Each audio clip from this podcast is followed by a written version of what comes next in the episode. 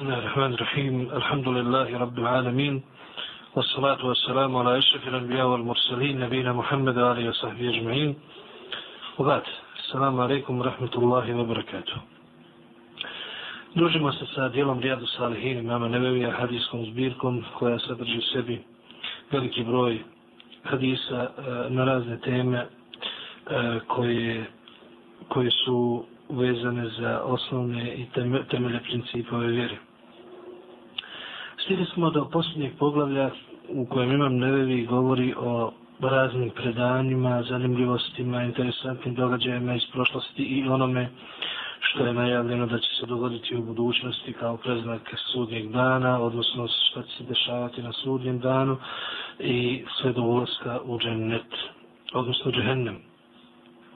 I stigli smo do 1844. hadisa koji nam je prenio od poslanika Abu Masuda Nasari radijallahu anhu u komu stoji da je poslanik sallallahu alaihi wa sallam rekao Inna mimma adrake nasu min kalami nubuvati l'ula i da rem testehi fasna mašit. U istinu, ono što je ostalo među ljudima od prijašnjih poslanstava, to su njihove riječi, ako te nije stid, radi što hoćeš. Ovo nam je prenio imam Buhari. Znači, ovaj hadis govori nam o ostavštini priješnjih poslanika i priješnjih vjerovjesnika. Od priješnjih poslanika nisu ostale sačuvane objave i njihove identične poruke. Zbog toga ono što je ostalo od njih, od knjiga, to je iskrivljeno, izmijenjeno i ne zna se šta je tu u istinu od Allaha Đelešanu, a šta su riječi poslanika, vjerovjesnika, a šta su riječi onih koji su došli posle njih. Zbog toga jedino što je ostalo od poslanika svih je poslanica posljednjeg poslanika vjerovjesnika Muhammeda sallallahu alaihi ve sellem. Međutim, među ljudima su ostala ta usmena predanja do naših poslanika sve, a to je njihova poruka ljudima da ukoliko čovjek ne ima stida, neka radi šta hoće. Pa šta znači ta poruka vjerovjesnika? Kažu naši učenjaci, ta poruka može značiti dvoje. Prvo, da ovdje poslanik sallallahu alejhi ve sellem odnosno poslanici svi su prijetili ljudima koji nemaju stida. Pa kažu im Evo ako nema stida, radi šta hoćeš. Znači, u smislu prijetnje i slično, ako nema stida, onda ne vrijedi za tebe ništa. Kao što je Elešanu rekao u nevjednicima, a, radite šta hoćete. Ja me rumašitu. Znači, ne misli se tu da Allah njima dozvolio da oni rade grijehe i sve što im nam padne. Nijekom slučaju, nego Radi se o prijetnji, vidu prijetnji kad od nekog digneš ruke i kažeš da u njemu nema dobra, ti mu jednostavno kažeš od tebe nema ništa, radi šta hoćeš. E tako i ovdje poslanici, poslanici su govorili svojim ljudima, ako u njima nema stida, ako u čovjeku nema uh, tog osjećaja koji je, uh, o kojem se ovdje govori, neka radi šta hoće. Drugo značenje, kažu ovdje učenjaci, da ovim poslanik sallallahu alaihi ve selleme eh, nije htio da odobri tim ljudima kao što smo rekli pred nego je ovdje želio da istakne samo stid i njegov značaj, a o njegovom značaju mnogo smo govorili u toku ove zbirke i tumačenja ovih hadisa koji su spomenuti u njoj. I uistinu je to jedan najplemenitiji osjećaj koji može da bude, koji može da bude u čovjeku. Ovaj hadis nas uči da stidom treba da se okitimo, naročito ženski dio Adamovih potomaka, zbog toga je stid njihov zaštitni znak i zato žena je simbol stida. Međutim, u vremenima kao što je ovo vrijeme, stid je uistinu izgubio se među ljudima i da uistinu vrlo malo ima i gotovo ga ne ima nigdje više niko, ni prema kome nema respekta, nikakvog odnosa kako bi trebao imati i slično. Zato ponovni povratak stidu koji je poslani Selem u dosta hadisa povezao i sa imanom je neophodan, nužan i dužni smo svoje, svoju djecu odgajati u duhu stida. Dalje kaže nam Abdullah ibn Masud radijallahu anhu da je poslanik sallallahu alaihi wa sallam rekao Awalu ma yukva bejna nasi u mal qiyamati fid dima. Prvo zašto će se presuditi na kijametskom danu bit će za ubijstva. Ovo su nam prenijeli imami Buhari i Muslim. Znači još jedan hadis koji je interesantan i koji je u vezi sa budućim događajima e, nagovještenim u hadisima, u ovom slučaju o presudama na kijametskom danu. Šta je to što će prvo se presuditi na kijametskom danu? Kaže nam poslanik sallallahu alaihi wa sallame, kada su, to, to su krvni delikti, takozvani zločini, ubijstva, a, isklično. Znači, to, to je prvo što će se presuditi u vezi sa krvnjom. Ovo može biti problematično za one koji su čuli za hadis u kojem poslanik sa nama kaže prvo zašto će čovjek biti pitan je namaz. Kažu učenjaci, e, taj hadis se odnosi na lični obračun svakog pojedinca. A ovo se odnosi na međuljudske odnose i ono što će, što će prvo biti presuđeno u vezi sa njima. Znači prvo u vezi sa čovjekom lično bit će namaz. A onda kada budu presude između ljudi, prvo za što će biti pitani i prvo za što će presuda doći jesu upravo ti e, e, krvni delikti, odnosno ubijstva i sl. To nam ukazuje na veličinu e, tog grijeha ubiti drugog čovjeka smatra se najvećim, među najvećim grijesima u svim poslaničkim objavama, a naročito u islamu. Allah šano jasno kaže ko ubije jednog čovjeka kao da je ubio cijeli svijet. Ako život sačuva jednom čovjeku kao da je sačuvao život cijelom svijetu. A iša radi Allah, ana kaže nam da je poslanik sallallahu alaihi wa sallam rekao Hulikatil melaiketu min nur. وخلق الجان من مارج من نار وخلق آدم مما وصف لكم Meleci su stvoreni od svjetlosti, a džini su stvoreni od plamičaka vatre, a Adem je stvoren od onoga što vam je već rečeno, znači u Koranu opisano ili je to poslanik sallam u svojim hadisima detaljno opisao. Ovaj Ovo hadisno je prenio imam muslim. Znači, ovaj hadis nas uči o gajbu, o onome što mi ne možemo dokučiti svojim čulima i što ne možemo zaključiti svojim razumima ukoliko nam ne dođe u tome objava. U ovom slučaju radi se o svijetu meleka. Od čega su meleci stvoreni? Znači, ovaj hadis nas uči da su oni stvoreni od svjetlosti. Kakva je to svjetlost? Koja svjetlost? Mi to ne znamo. To je gajb. Ali vjerujemo u ono što je rečeno u ovom hadisu.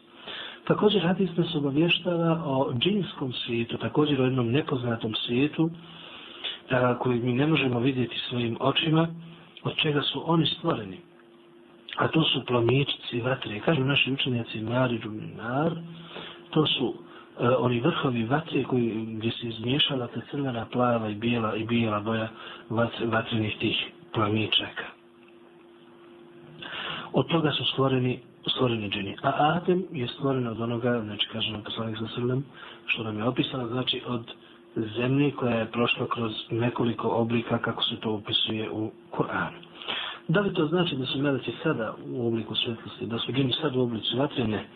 E, naprotiv što se tiče džina, postoje hadisi ili dostojni u kojima se, koji se jasno može zaključiti i vidjeti da oni više nisu od vatre, nego što više da, da, da imaju crnu prirodu, da li da e, da mogu biti i hladni, kao što poslanik sallallahu alaihi wa sallam kada jednom prilikom je rekao da je e, dohvativši e, šeitana za vrat, osjetio hladnoću njegovog jezika, što znači a, da sad ima drugi oblik. Kao što i Adem, ali salam, njegovi potomci ne imaju više oblik od zemlje, sad imaju tijelo, imaju kosti i tako dalje a Allah Đelešanuhu najbolje zna. Također je da iše preneseno u drugom hadisu da je rekla kane huluku nebiji Allahi sallallahu alaihi wa sallam al-Quran. Ahlak, odnosno moral i ponašanje Allahovog poslanika sallallahu alaihi wa sallam bio je Kur'an. To nam je prenio imam muslim.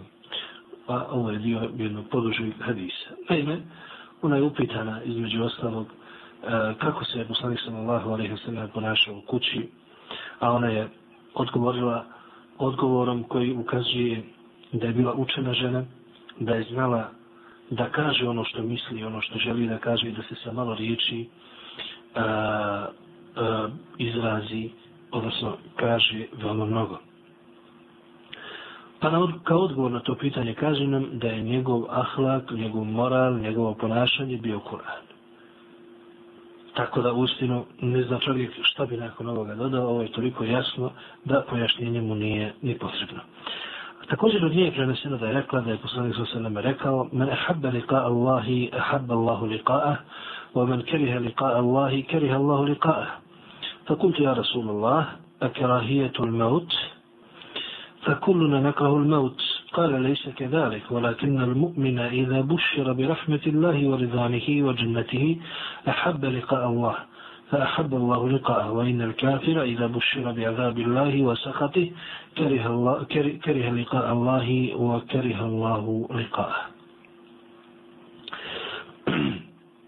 Kaže nam Aisha da je poslanik u ovom hadisu rekao ko zavoli i voli susret sa Allahom i Allah voli susret s njim. Ako mrzi susret sa Allahom, mrzi, Allah, mrzi i Allah susret s njim. Pa sam rekla, kaže Aisha radi Allahu anha, Allahu poslaniće, ili se to misli na smrt, znači da, da mrzimo smrt. Jer svi mi mrzimo smrt. A onda je poslanik da se nam reče, nije tako. Nego vjernik kada umire, meleci ga obraduju Allahovom milošću, njegovim zadovoljstvom i džennetom, pa on zavoli susret sa Allahom. A tada i Allah zavoli susret s njim. A nevjernik kada umire, njega meleci, njemu meleci donesu vijesti o Allahovoj kazni, o njegovoj srđbi, pa on zamrzi susret sa Allahom i onda Allah zamrzi susret s njim. Ovo nam je prenio imam muslim. Znači, ovaj hadis govori nam o smrtnom času, o tim smrtnim mukama koje će svakom doći, ako li nikome nisu lahke. Govori nam o osjećaju vjernika tada. I ovaj hadis nas uči da smo dužni, pardon, da smo dužni voljeti Allaha Đelešanu i susret svim u tim momentima. Ali ko će Allaha Đelešanu voljeti? Voljet će ga samo čovjek koji je vjernik u istinu. Jer šta se događa u tom trenutku? U tim trenucima dolaze meleci i vjerniku donosi lijepe vijesti. Donosi radosne vijesti. I kažu mu, raduj se Allahovoj milosti, oprostu, džennetu. I stalno ga podstiču i govore mu o tome tako da on jedna čeka da to vidi, da to doživi. Samim tim voli susret sa Allahom Đelešanu zato što ga čeka hajri dobro. I za njega je dunjanučka neizvjesnost završena i prošla jer on tad zna svoj kraj i ono što ga čeka. A onaj ko je bio nevjernik, ko je bio nezahvalan Allahu Đelešanu, ko je zaboravljao Allahova prava prema njemu, njemu donosi ružne i tegobne vijesti. Govore mu o Allahovoj kazni koja ga čeka. Govore mu o džehennemu. Govore mu o propalim trenucima koje je ostavio iza sebe, a nije ih iskoristio u ono za što je stvoren bio. Jer naravno tada, tada mu se ne izlazi, duše se ne izlazi iz takvog duše se ne izlazi iz takvog tijela. Duše se naravno ne izlazi iz takvog tijela i on ne zna šta bi tada uradio i on će početi bježati po tijelu. Duša će početi se bježati, skrivati se po tijelu, ali tada će meleci snažno povući dušu, kao što što mu kaže on nazijati varka, tako mi onih meleka koji će duše snažno i žestoko čupati.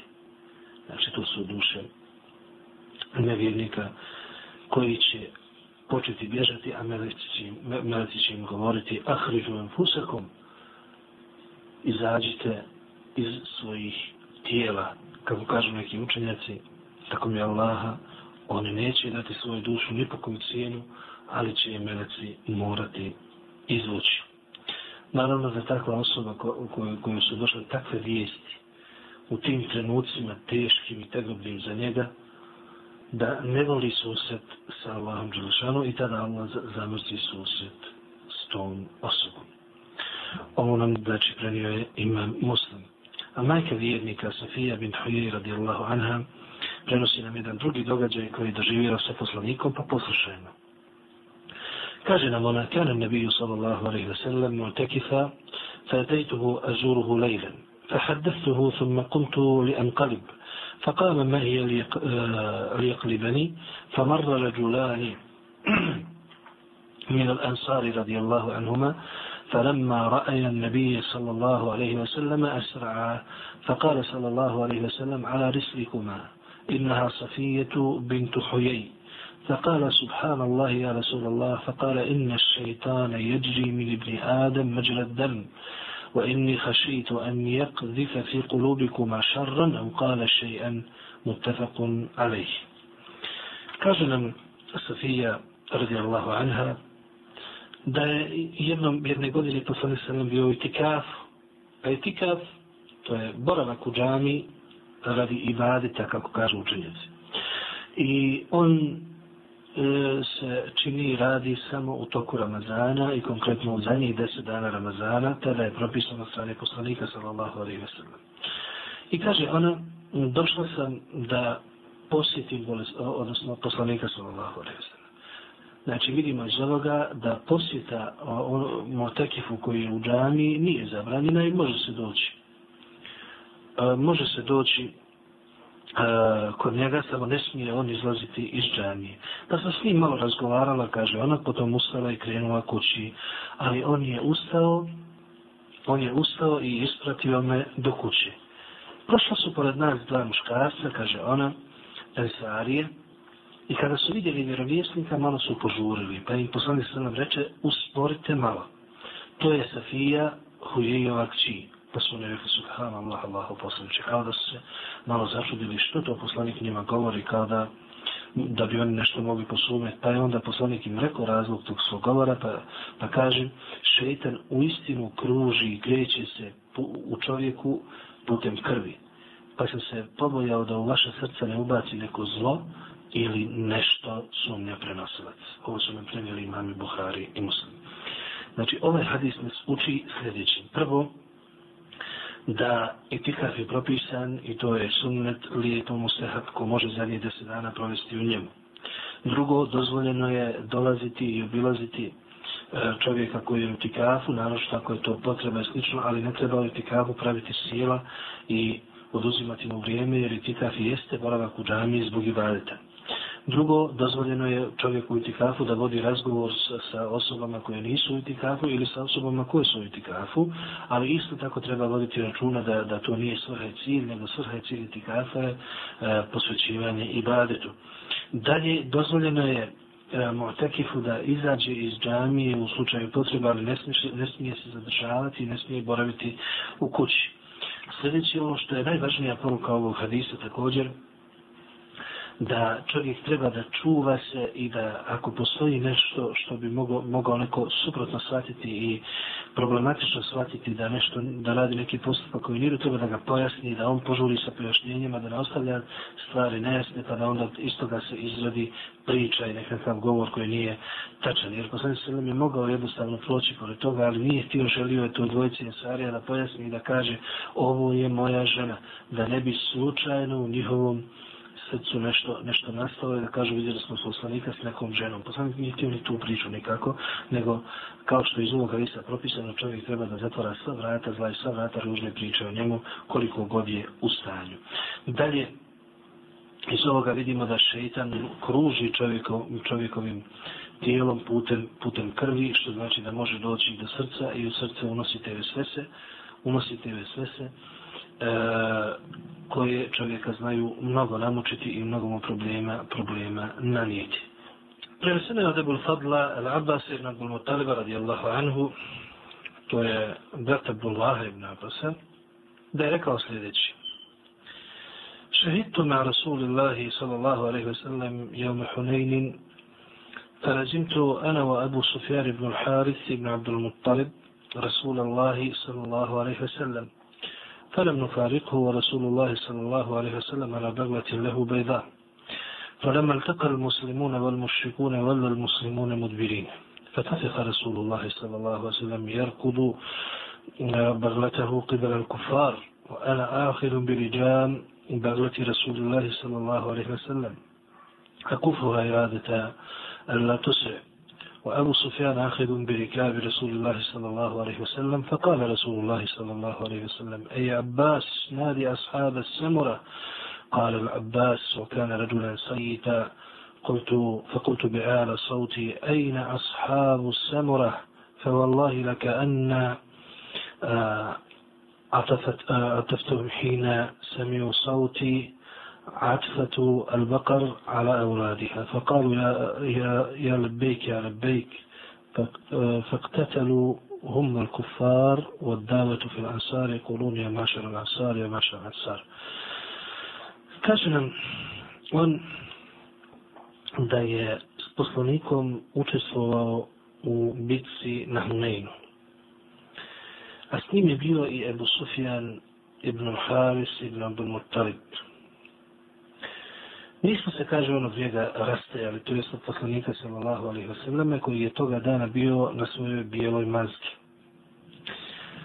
Kada je došlo do sukoba između muslimana i mušrika, muslimani su pobjegli, razbježali su se. A onda je poslanik sallallahu alaihi wa sallam svoju mazgu tjerao u pravcu nevjernika. A ja sam, kaže, on držao uzde, a Ebu Sufjan E, držao mu je sedlo da ne bi previše brzo išla prema, prema njima. I poslanik reče Abbasu, svome Amidži, o Abbasu, pozovi one koji su dali prisegu pod stablom Semure. Pa je Abbas rekao, a bio je veoma glasan čovjek, najviše što je mogao podviknuo je gdje su oni koji su dali prisegu poslaniku pod stablom Semore. Kaže on tako mi je Allaha, tada su, kada su čuli moj glas, vratili se kao što se tele vraća svojoj majici travi kada ga pozove. Pa su rekli, odazivamo ti se, odazivamo ti se.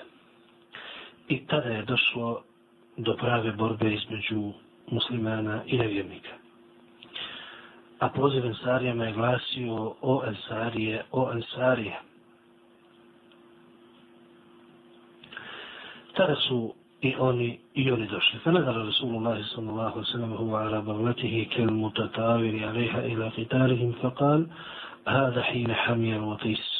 Thumma akhada Rasulullah sallallahu sallam حسيات فرمى بهن وجوه الكفار ثم قال إن هزموا ورب, ورب محمد فذهبت أنظر فإذا القتال على هيئته فيما أرى فوالله ما هو إلا أن رماهم بحسياته فما زلت أرى آه، حدهم كليلا وأمرهم مدبرا.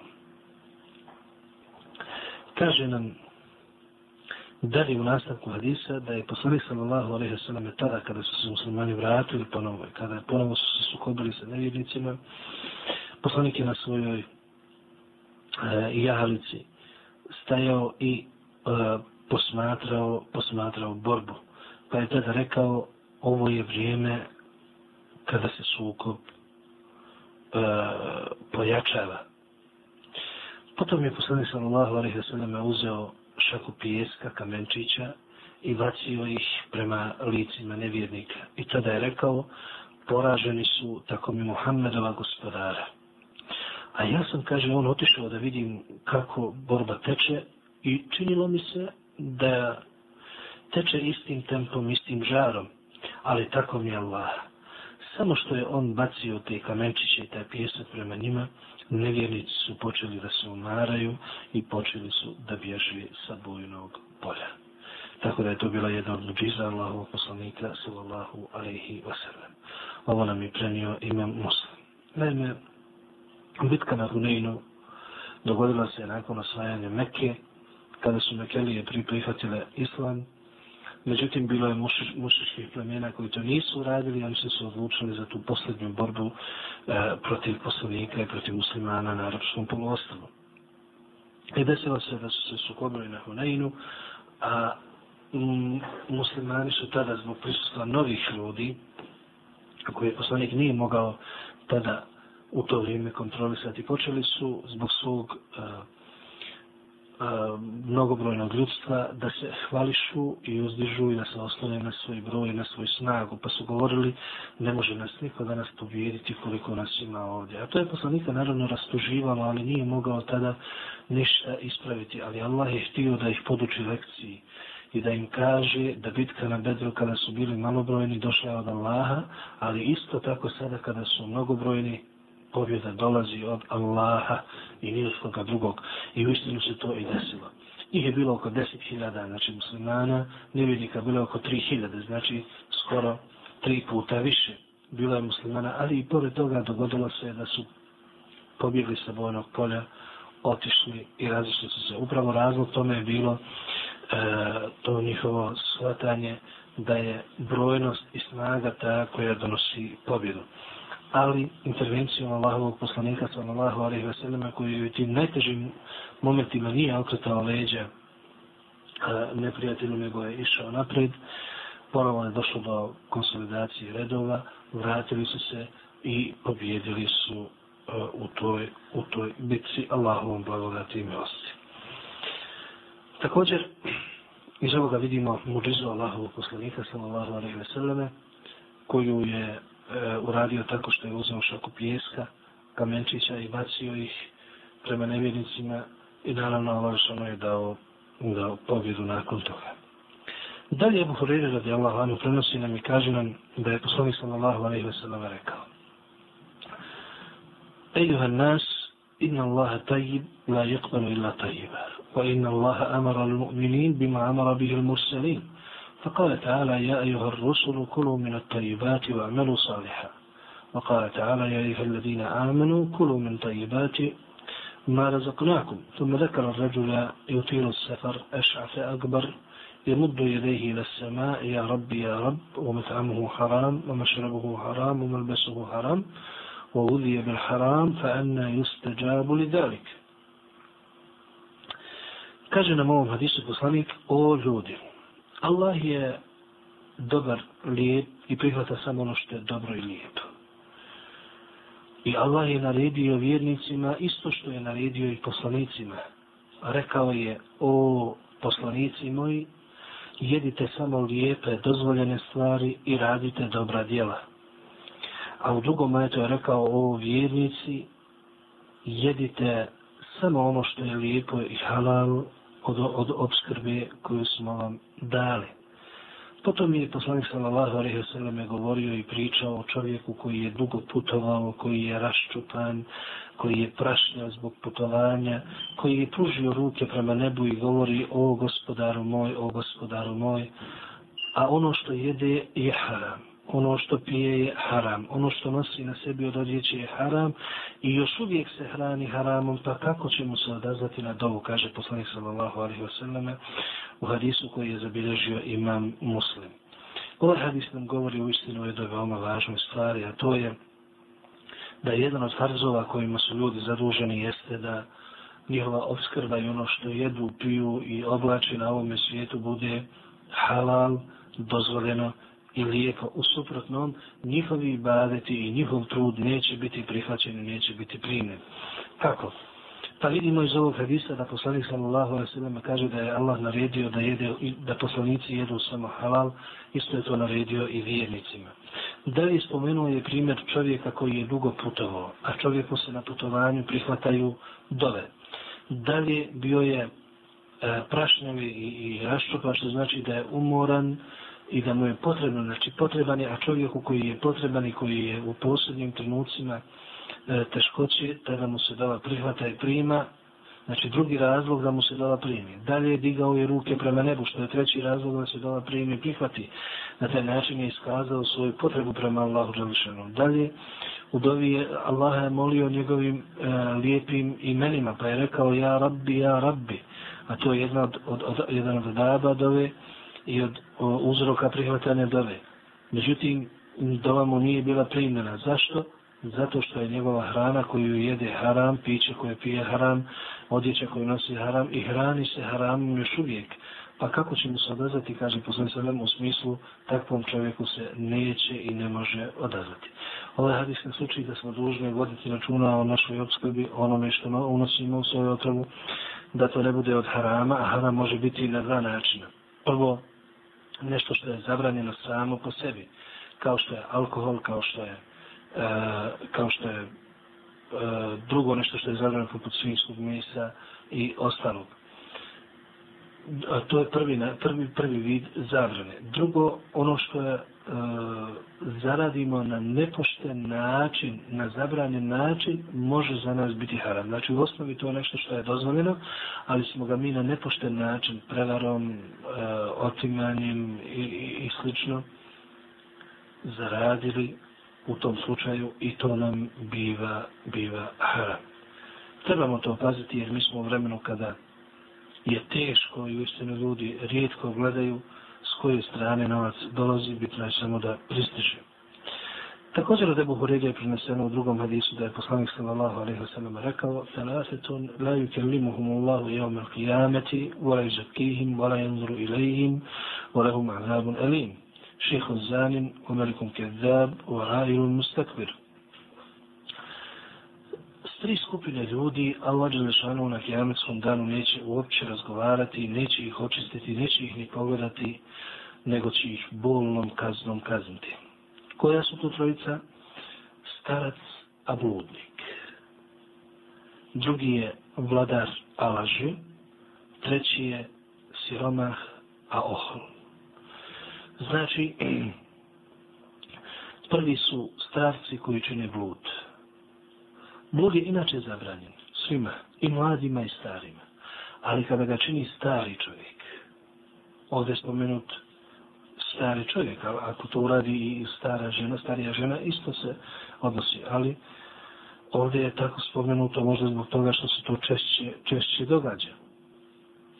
Znači, ako je stari čovjek uči, tada to ukazuje na jednu, na jednu veoma, veoma ružnu stvar, a to je da u prirodi tog čovjeka da voli blud, jer nema više strasti u njemu, nema u njemu mladelačkog žara koji bi ga tjerao da, da, da, da počinje blud da svoje strasti upražnjava na nedozvoljen način.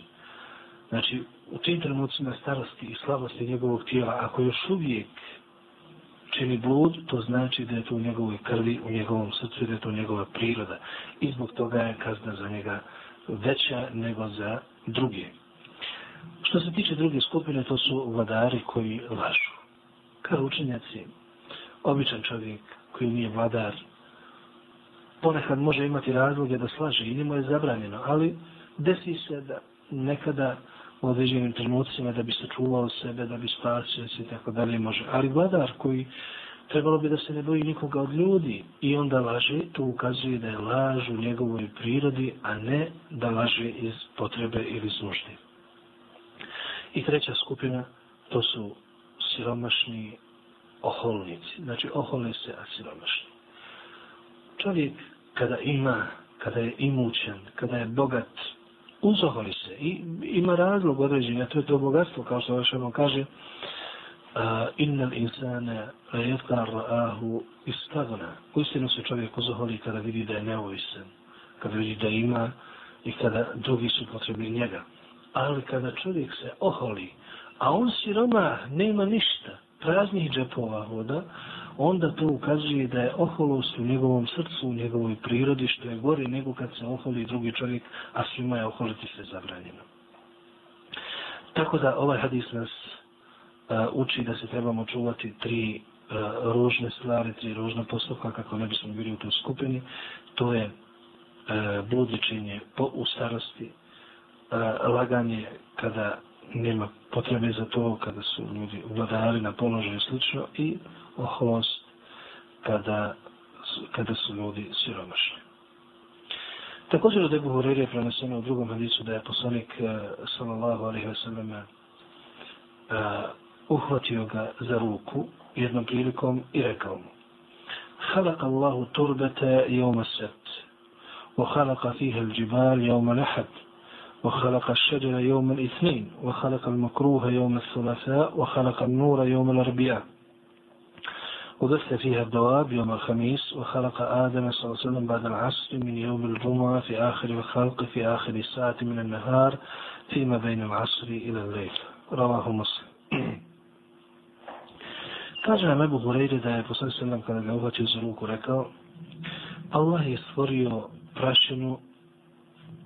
u subotu. A stvorio je na zemlji odnosno e, stvorio je na zemlji brda u nedjelju.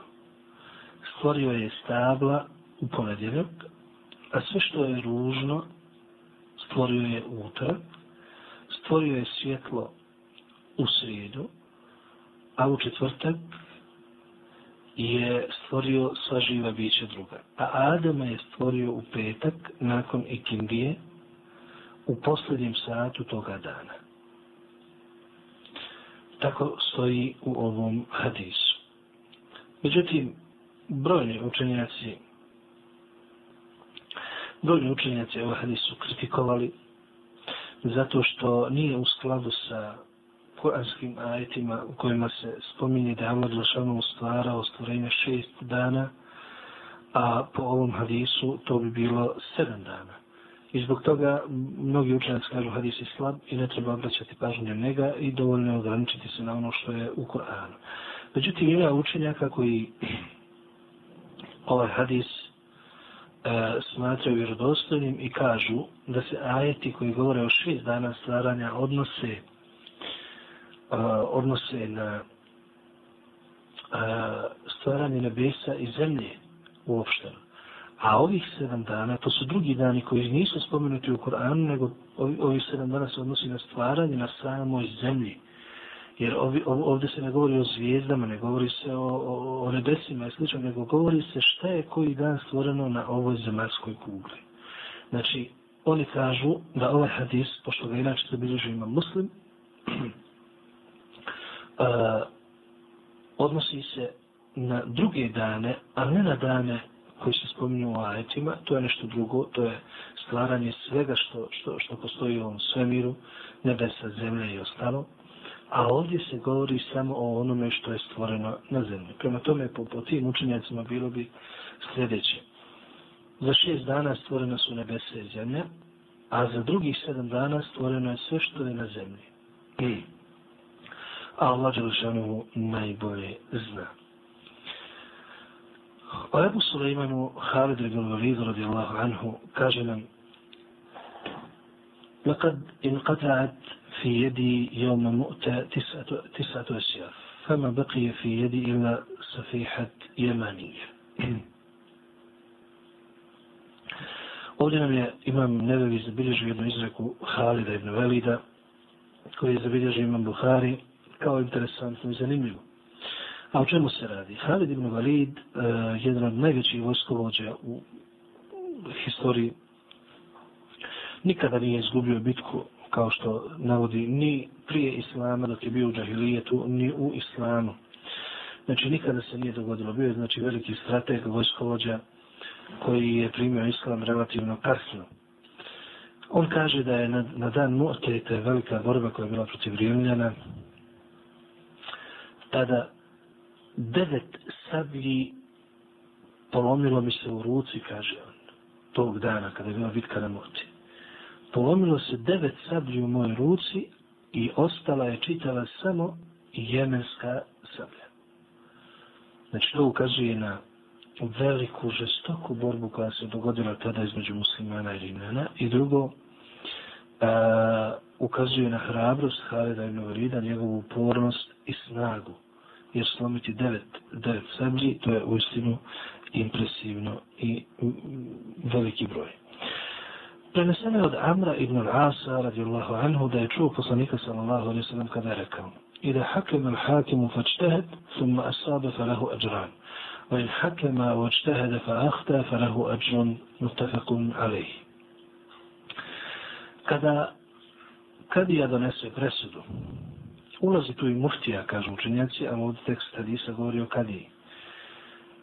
I potrudi se da dođe do istine u presudi, i potrefi istinu, dobit će dvije nagrade. A ako presudi i potrudi se da presudi po istini pravedno i pogriješi, dobit će jednu nagradu.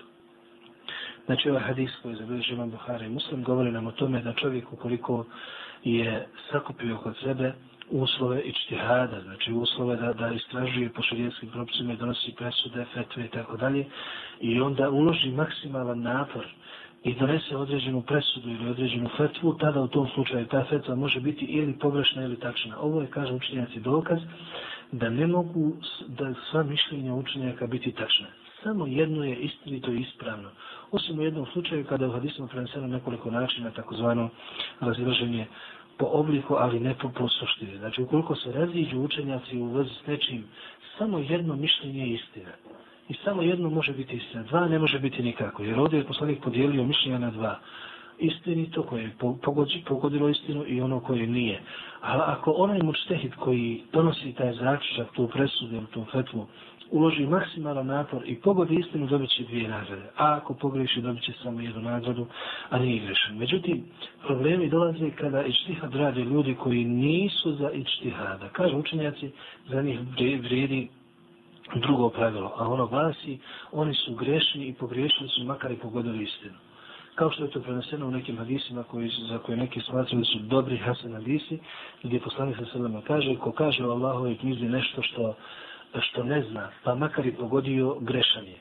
Šta to znači? Grešan je zbog toga što govori što ne zna, ne smije, pa ako je pogodio istinu, neće zbog toga biti grešan. A ako još govori što ne zna i još pogriješi, bit će grešan zbog toga što govori što ne zna i bit će grešan zbog toga što je pogriješio i rekao nešto što nije istina. Kaže Aisha radijallahu anha da je poslanik sallallahu alaihi wa sallam rekao Al-humma min fejhi jahannam fa abriduha bil ma' vrućica, odnosno groznica, je od džehennema. Zbog toga rasladite s vodom. Ovo su nam prijeli imami Buhari i Muslim. To je mnogo interesantno iz dva razloga. Prvo, zato što je poslan se nam vrućicu i groznicu, znači temperatura koju mi poznajemo, a, za mene je rekao da je od džehennema. Kažu učenjaci kako to da džehennem utječe na naša tijela i da, da temperatura bude od toga, to ostaje od stvari gajba i to ne znamo, ali ono što je poslanik sa nama rekao je istina. A da li je drugo zbog čega je interesantan ovaj hadis zbog čega ga imam nevi spomenuo ovdje jeste to što je poslanik sa nama njemu upisao lijek za grodnicu i temperaturu, a to je da se e, raskladi vodom. I to danas i medicina potvrđuje, znači ukoliko čovjek ima temperaturu jaku, najbolje je to razmlačiti s vodom i što voda bude hladnija, a da ne šteti zdravlju i ne šteti čovjeku, sve je bolje. Da li također Aisha radi Allah anha kaže da je poslan sam rekao men mate va lehi saum same anhu valiju. Ko umre, a ostane dužan postiti, e, to može napostiti njegov nasljednik. Znači nasljednik ili neka rodbina ili slično koja nasljeđuje ili ne nasljeđuje nije važno. Znači, uglavnom, može se napostiti za njega. Ovo su naprijeli imami Buhari i Muslim. Kažu učenjaci, nije obavezan i dužan da napusti za njega niko, ali ukoliko bi neko od e, njegovih E, bližnjih to uradio, bilo bi to dobro i ispravno. Neki učenjaci smatraju da se ovo odnosi isključivo na zavjet. Ukoliko se neko zavjetovo ili zakleo da će, da će postiti ili ukoliko je imao nekakav iskup za nešto e, što je uradio, treba postiti pa ostao dužan, onda u tom slučaju u tom slučaju ovo se odnosi na to. Ali ako za njega ostalo posta ramazansku koji namjerno nije htio postiti ili ostalo nešto što nije stiglo završiti, to nismo dužni, ne treba to nakaštiti, nego se odnosi samo, samo na to. A, kontekst hadisa, ovo naime dio dužeg hadisa koji govori o tome, ukazuje na to, a Allah Žešano najbolje zna. Znači, ukoliko za nekog ostane posta može se napostiti ako je on bio dužan, to a nije, nije stigao kaže imam nevevi u kontekstu ovog hadisa, vol muhtaru džavazu som, amen mati varehi som, lihadu hadis, vol muradu bil veđer karibu, varešen kane, au gajra varehi. Znači mi smatramo ispravnim da se može postiti za onoga koji je umro zbog eh, ovog hadisa, a pod velijom ovdje ovom hadisu smatra se bližni, svejedno bio nasljednik ili ne. Ovo je zašto ono najbolje zna, koliko